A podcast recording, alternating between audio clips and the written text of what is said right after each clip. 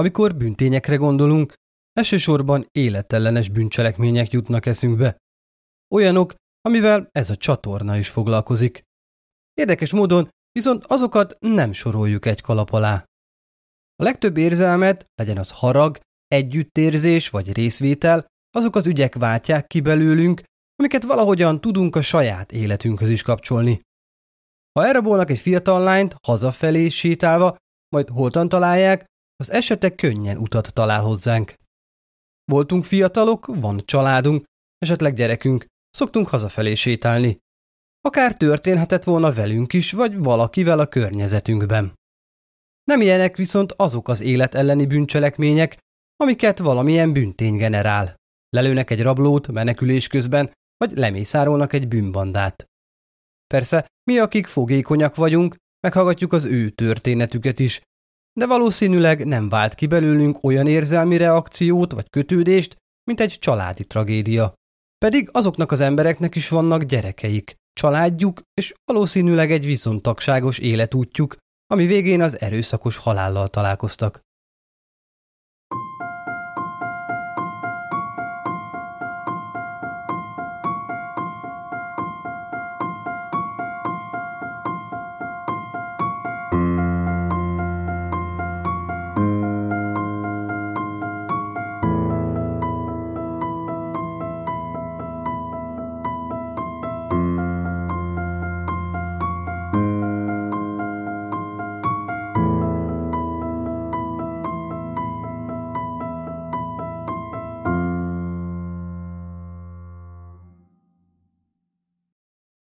Sziasztok!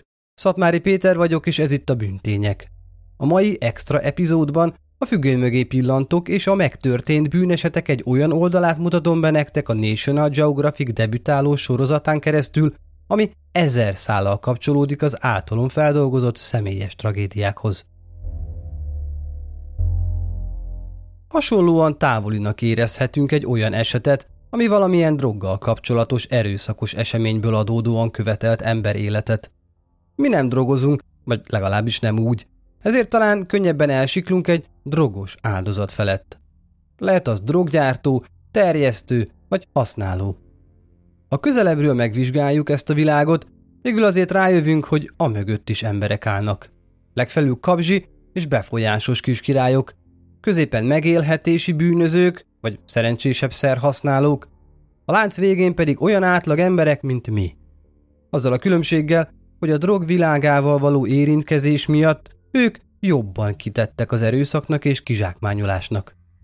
Sokat gondolkoztam Robert Picton kanadai sorozatgyilkos ügyének feldolgozásán, aki 49 a társadalom szélére sodródott, sokszor drogos és prostituált nő meggyilkolását vallotta be.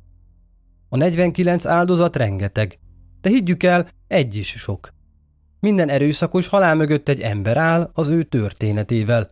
A történetével, ami nem csak róla szól, szól a családjáról, a körülötte érőkről és sok esetben a társadalomról is, amiben él. A National Geographic jóvoltából megnézhettem premier előtt a most pénteken bemutatásra kerülő sorozatukat, aminek a címe a bűnkereskedői Marianne Cellerrel. A sorozat a nagy sikerű első évad folytatása, ami a hétköznapok színfalai mögött meghúzódó másik világot igyekszik bemutatni nekünk, a több szakmai díjjal is kitüntetett oknyomozó írónő szemüvegén keresztül. A portugál származású Mariana mondhatni már otthonosan mozog a föld legveszélyesebb és legszervezettebb csempész és bűnszövetkezeteinek berkeiben. És ezt már az első részben meg is mutatja, ami a metamfetaminról szól. A sorozat összességében egyébként tíz erős témát dolgoz fel, amik közül csak egy megálló korunk legfelkapottabb és legveszélyesebb drogja. Akármilyen mélyre is ássa magát az írónő, a pokol sötét bugyraiban embereket talál, és azok történeteit. De mi is ez a metamfetamin? Mint minden hasonló drog, egy pszichoaktív szer. Több néven is létezik, mint kristály, met, speed, spuri. A metamfetamin lényegében a dopamin és adrenalin visszavételét gátolja a perifériás idegrendszerben. Mivel ingerli a jutalmi idegútvonalat, eufóriát és izgalmi állapotot okoz, ami nagy eséllyel függőséghez vezet. A metamfetamin a vér agygáton átjutva az agyba kerül. A szer használói kényszeres cselekvéseket végezhetnek, mint például a takarítás, kézmosás vagy tárgyak babrálása, szétszedése, összerakása. A metamfetamin hosszú távú alkalmazása emberek esetében agykárosodást okoz. Ez az agykárosodás a szer hatására az agy szerkezetében és működésében bekövetkezett változások következtében jön létre. Például csökken a szürke állomány mérete, valamint több agyi régió is károsodik. Láttunk már eltorzult rendőrségi fényképeket MET használókról, akik szemei alatt elképzelhetetlen karikák ülnek, bőrük halott sárga és mindenféle kék foltok és sebek égtelenkednek rajtuk. A sorozat nyitó epizódja viszont nem rájuk koncentrál. A drog útját nem a nyilvánvalóan drogos felhasználóktól indítja, hanem olyan emberektől, akikről nem gyanítja senki sem, hogy kemény droghasználók. A riporternővel szemben olyanok ülnek, akik a szerhasználat mellett még tudják életüket menedzselni. Hogy milyen mértékben, arra nem derül fény, de elmondásuk szerint a rendes fizető munkával és a családdal is megbirkóznak. Az egyik eltorzított hangú és maszk mögé bújt nyilatkozó szerencsésnek vallja magát, hogy nőként és anyaként úgy tudta eddig élni az életét, miközben drogfüggő, hogy sosem kellett a testét áruba bocsájtania. Ilyen és hasonló mondatokon keresztül már az első percektől kezdve Marianna mikrofonja előtt olyan életek kezdenek kibontakozni, ami a nézőt olyan világba repíti, ahol a deformált normában szerencsés az, aki nem prostituált, és ez teljes életet jelent neki. Maszk mögött, torzított hanggal. A felhasználók a jól működő, szervezett és nagymértékben kapitalista drogüzlet gyermekei.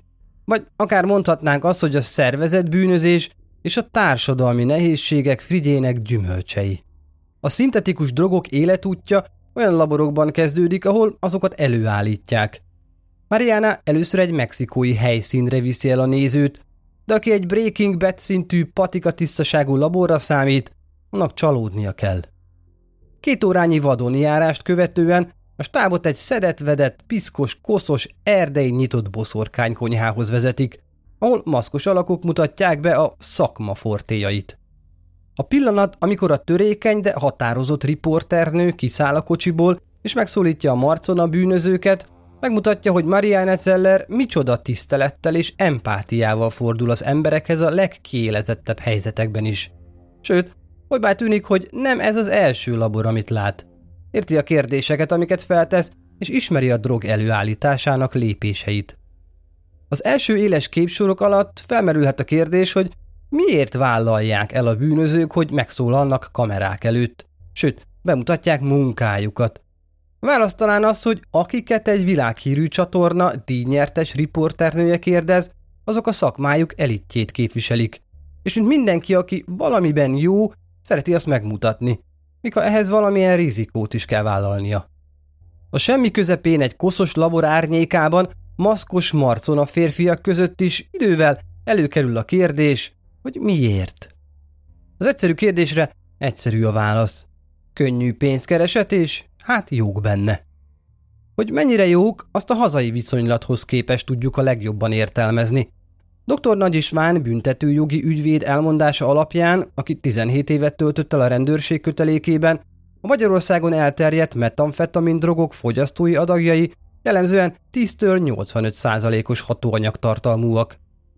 A mexikói laborban, a porban, piszokban készülté 90 százalék feletti. A fogyasztói adagban mérhető hatóanyag nem csak a felhasználó eufória mértékét növeli, hanem az elkapott terjesztő vagy gyártó büntetési tételét is, legalábbis nálunk. Amikor egy kábítószert előállító személy bűncselekményének minősítése kapcsán meg kell állapítani, hogy milyen mennyiséget adott el, vagyis milyen mennyiségben terjesztett, a nyomozó hatóságok nem önmagában az eladott adagok alapján határoznak. Azok számát felszorozzák a hatóanyagtartalommal. Ezt a hatóanyagtartalmat egyébként igazságügyi vegyész szakértő állapítja meg. Mikor ezek a számadatok összeszorzásra kerülnek, akkor a szakértő azt is kimondja, hogy ez csekély, alapeseti, jelentős vagy különösen jelentős mennyiségnek minősül. A drogpiramis csúcsán álló vezérek ténylegesen cégvezetőkhöz hasonlóan viselkednek, monitorozzák a piacot és igyekeznek minél hatékonyabb előállítási és kereskedelmi hálózatot kialakítani. A szuperlabor után a bűnkereskedői stábja egy kisebb mobil laborba vezet el, ahol egy újfajta piaci stratégiával találkozunk, a vásárlókhoz közeli előállítással. Amit a sorozat filmkockáin látunk, az kicsiben itthon is megtalálható. A kristálymet javarészt hivatalos gyógyszertárban is kapható gyógyszerek felhasználásával készül. Ilyenek különösen a megfázás elleni tabletták, amikből a szükséges hatóanyagokat kivonják, és ezek hatását felerősítik olyan anyagokkal, amik szétroncsolják az ember agyát, szervezetét. Fagyálló, akkumulátorsav és hasonló szennyek. Alapvetően különösebb nehézséggel nem jár egy metlabor működtetése, azonban rendkívül robbanás veszélyes. A labor mindösszesen néhány eszközzel működtethető, egy nagyobb asztal is elég hozzá. A növényi alapú kábítószerekkel ellentétben, mint a kanabisz, a metre nem jellemző, hogy családi házak pincéjében állítanák elő, ami hazánkban Pest megye és az Alföld tekintetében kiemelkedő. Egy szóval egy mobil labor bárhol lehet. Könnyű elrejteni és felszámolni. Lényegében a kereslet kínálat irányítja. Ott jelenik meg, ahol nagyobb a felvevő piaca. És mint ahogy az a sorozat első részéből kiderül, ezzel a módszerrel megsporolható a költséges szállítás is, ami Mexikó és az USA között ráadásul nem is veszélytelen és hatalmas veszteségekkel jár. A bűn kereskedőit nézve az elmesélt történet mellett folyamatosan ott motoszkál az emberben, hogy mégis hogyan jut el egy tévéstáv egy droglaborba. A választ Marianne Zeller egy korábbi interjújában találtam meg, amiben elmeséli, hogy minden témát hosszadalmas nyomozás előz meg. A kapcsolatokon keresztül megkeresett alanyok nagy része pedig nem vállalja a szereplést. Száz nemre jut, egy igen. Talán pont a befektetett hatalmas munka miatt egy-egy beszélgetés közben a riporternő igyekszik nem központi szerepet játszani. Kérdez, de csak annyit, hogy a mikrofon másik oldalán ülő vagy álló robothangú maszkos alak elmesélje a történetét.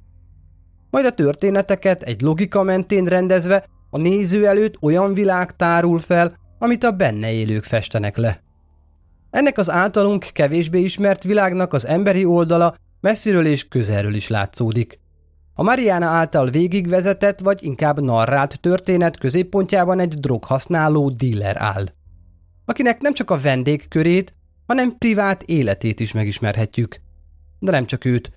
Először még csak telefonhívásain keresztül, végül pedig a konyhájában megjelenik aggódó édesanyja is, aki tisztában van azzal, hogy mivel foglalkozik a fia. A könnyeivel küzdő anya szavain keresztül a sötét világ egy olyan szeglete sejlik át, ami már az ezt a világot csak hírből ismerő nézőt is hozzáköti a történethez. És hogy jobban kapcsolódjunk mi is a met sötét és bódult világához, megkértem a már említett dr. Nagy Istvánt, hogy foglalja össze a hazai metamfetaminnal kapcsolatos társadalmi és kriminalisztikai hatásokat. A következőket mondta. Konkrétabb statisztika nem áll rendelkezésemre, de a kábítószerrel kapcsolatos bűncselekmények az elmúlt években 6500 körüli eset számokat hoztak, ami nyilván a hatóságok által felderített bűncselekmények száma. Véleményem szerint a látencia igen magas. Ezek a számok a rengeteg fogyasztót is magukban foglalják. A kábítószerrel kapcsolatosan sokféle egyébi bűncselekmény is megvalósul, de a legjelentősebb száma vagyon elleni bűncselekményeké, hiszen egy függő mindent megtesz azért, hogy újra és újra drogot tudjon vásárolni. Amennyiben nincs pénze, így egy lopás elkövetése és az eltulajdonított dolog, ha ez nem pénz, orgazdának történő eladása juttathatja újra pénzhez. Az eltulajdonított dolog bármi lehet, akár egy ékszer, akár műszaki cikk, végső soron élelmiszer is. Egy teljesen lecsúszott függő bármit eltulajdonít, amire lehetősége van, hogy újra anyagot tudjon szerezni. Magyarországon amerikai vagy mexikóihoz hasonló szintű és szervezettségű bandák, kartelek szerencsére nincsenek. Így a kábítószer megszerzése miatt súlyosabb bűncselekmények, mint a gyilkosságok nem jellemzőek. Természetesen előfordul, hogy valaki bódult állapotban öl meg valakit, de ez más eset. A magyarországi drogosok felderítéséről és rehabilitációjáról pedig a következőket nyilatkozta. Az amerikai elrettentő rendőrségi fotókon látható sebek nem feltétlenül jellemzőek, ugyanis a drog mindenkinél másként roncsolja a testet. Függ az anyagtól, a függőség mértékétől és a használt mennyiségtől. Amikor az ilyen sebek már ennyire feltűnőek, az már észrevehető, de az ilyen személy már nem jár társaságba. Bolyong az utcán vagy egy lakásban más drogosokkal együtt szert használ. Ezt észrevennie a hatóság részéről a rendőri járőrnek van lehetősége, de őket ilyenre nem képzik ki. Ha valaki kiszúr egy bódult állapotban lévő személyt, azt nem a sebeiről teszi, hanem a szemeiről, az igazoltatás alatti viselkedéséről. Ha valaki nem tud már magáról, lehetőség van addiktológiai intézetbe való szállítására. Ha önjáró és eseti jelleggel használt kábítószert, akkor egy elterelésnek nevezett megelőző, felvilágosító, leszoktató kezelésen vehet részt. Ha csak fogyasztott, akkor egy ilyen hat hónapos kezelés büntetlenséget is jelent. Az állam nem a sima fogyasztót kívánja példamutatóan büntetni, hanem azt, aki terjesztés céljából állít elő drogot, és aki terjeszti. Ezek bizonyítása a hatóság részéről mindig központi kérdés. Általánosságban elmondható, hogy a kábítószerrel kapcsolatos bűncselekményeket az USA-ban is alkalmazott módszerekkel derítik fel hazánkban. Nevezetesen információ alapján, ami érkezhet lojalitásból, anyagi ellenszolgáltatás fejében, vagy csak azért, hogy egy rivális bandát a hatóság segítségével félreállítsanak az útból, illetve egy fogyasztó elfogásából, akin keresztül a további díreleken át eljuthatnak egyenesen a laborosig, illetve ahhoz a személyhez, akinek a laboros dolgozik. Ezeket a személyeket operatív, titkos eszközökkel azonosítják be és fogják el. Ez vagy a már elrendelt nyomozás mellett párhuzamosan, vagy azt megelőzően történik. Ezek általában telefonlehallgatások, megfigyelések, álvásárlások, de több más operatív módszer is alkalmazható, amit az adott helyzet éppen megkíván. A hatalmas drogbirodalmakat lényegében apró emberi tragédiák építik fel. A piramis csúcsán a kartelek vezetői és befolyásos környezetük áll. Középen a dolgozók és a terjesztők mozognak, legalul pedig a fogyasztók teremtik meg mindezen káros és ördegi rendszer alapjait. Pénteken, azaz február 18-án este 9 órakor ti is megnézhetitek a bűnkereskedői Marianne Zellerrel sorozat második évadjának első részét a National Geographicon. Köszönöm, hogy újból velem tartottatok. Találkozunk a következő epizódban. Addig is, sziasztok!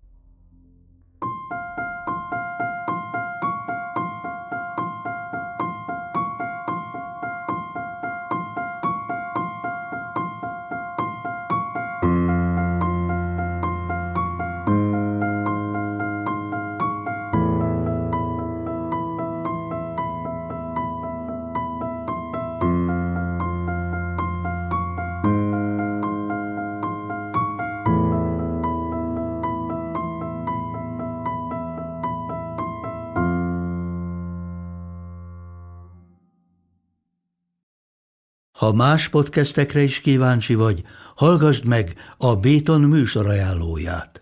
El tudod képzelni, hogy a podcastet, amit éppen most hallgattál, fél év múlva már a mesterséges intelligencia generálja? Mi sem. De ha érdekel, eljött már a gépek lázadása. Hallgass bele az Embertelen podcastbe. Orsós Lajos vagyok, a műsor házigazdája. Egyelőre még élőben. Egyelőre. Fedezzük fel együtt, hogyan ismerkedik, randizik, mesél és vitatkozik Betty és Péter, két teljesen mesterséges intelligencia. Lajos, a podcast címét mond még egyszer, Léci. Oké. Okay. Embertelen podcast.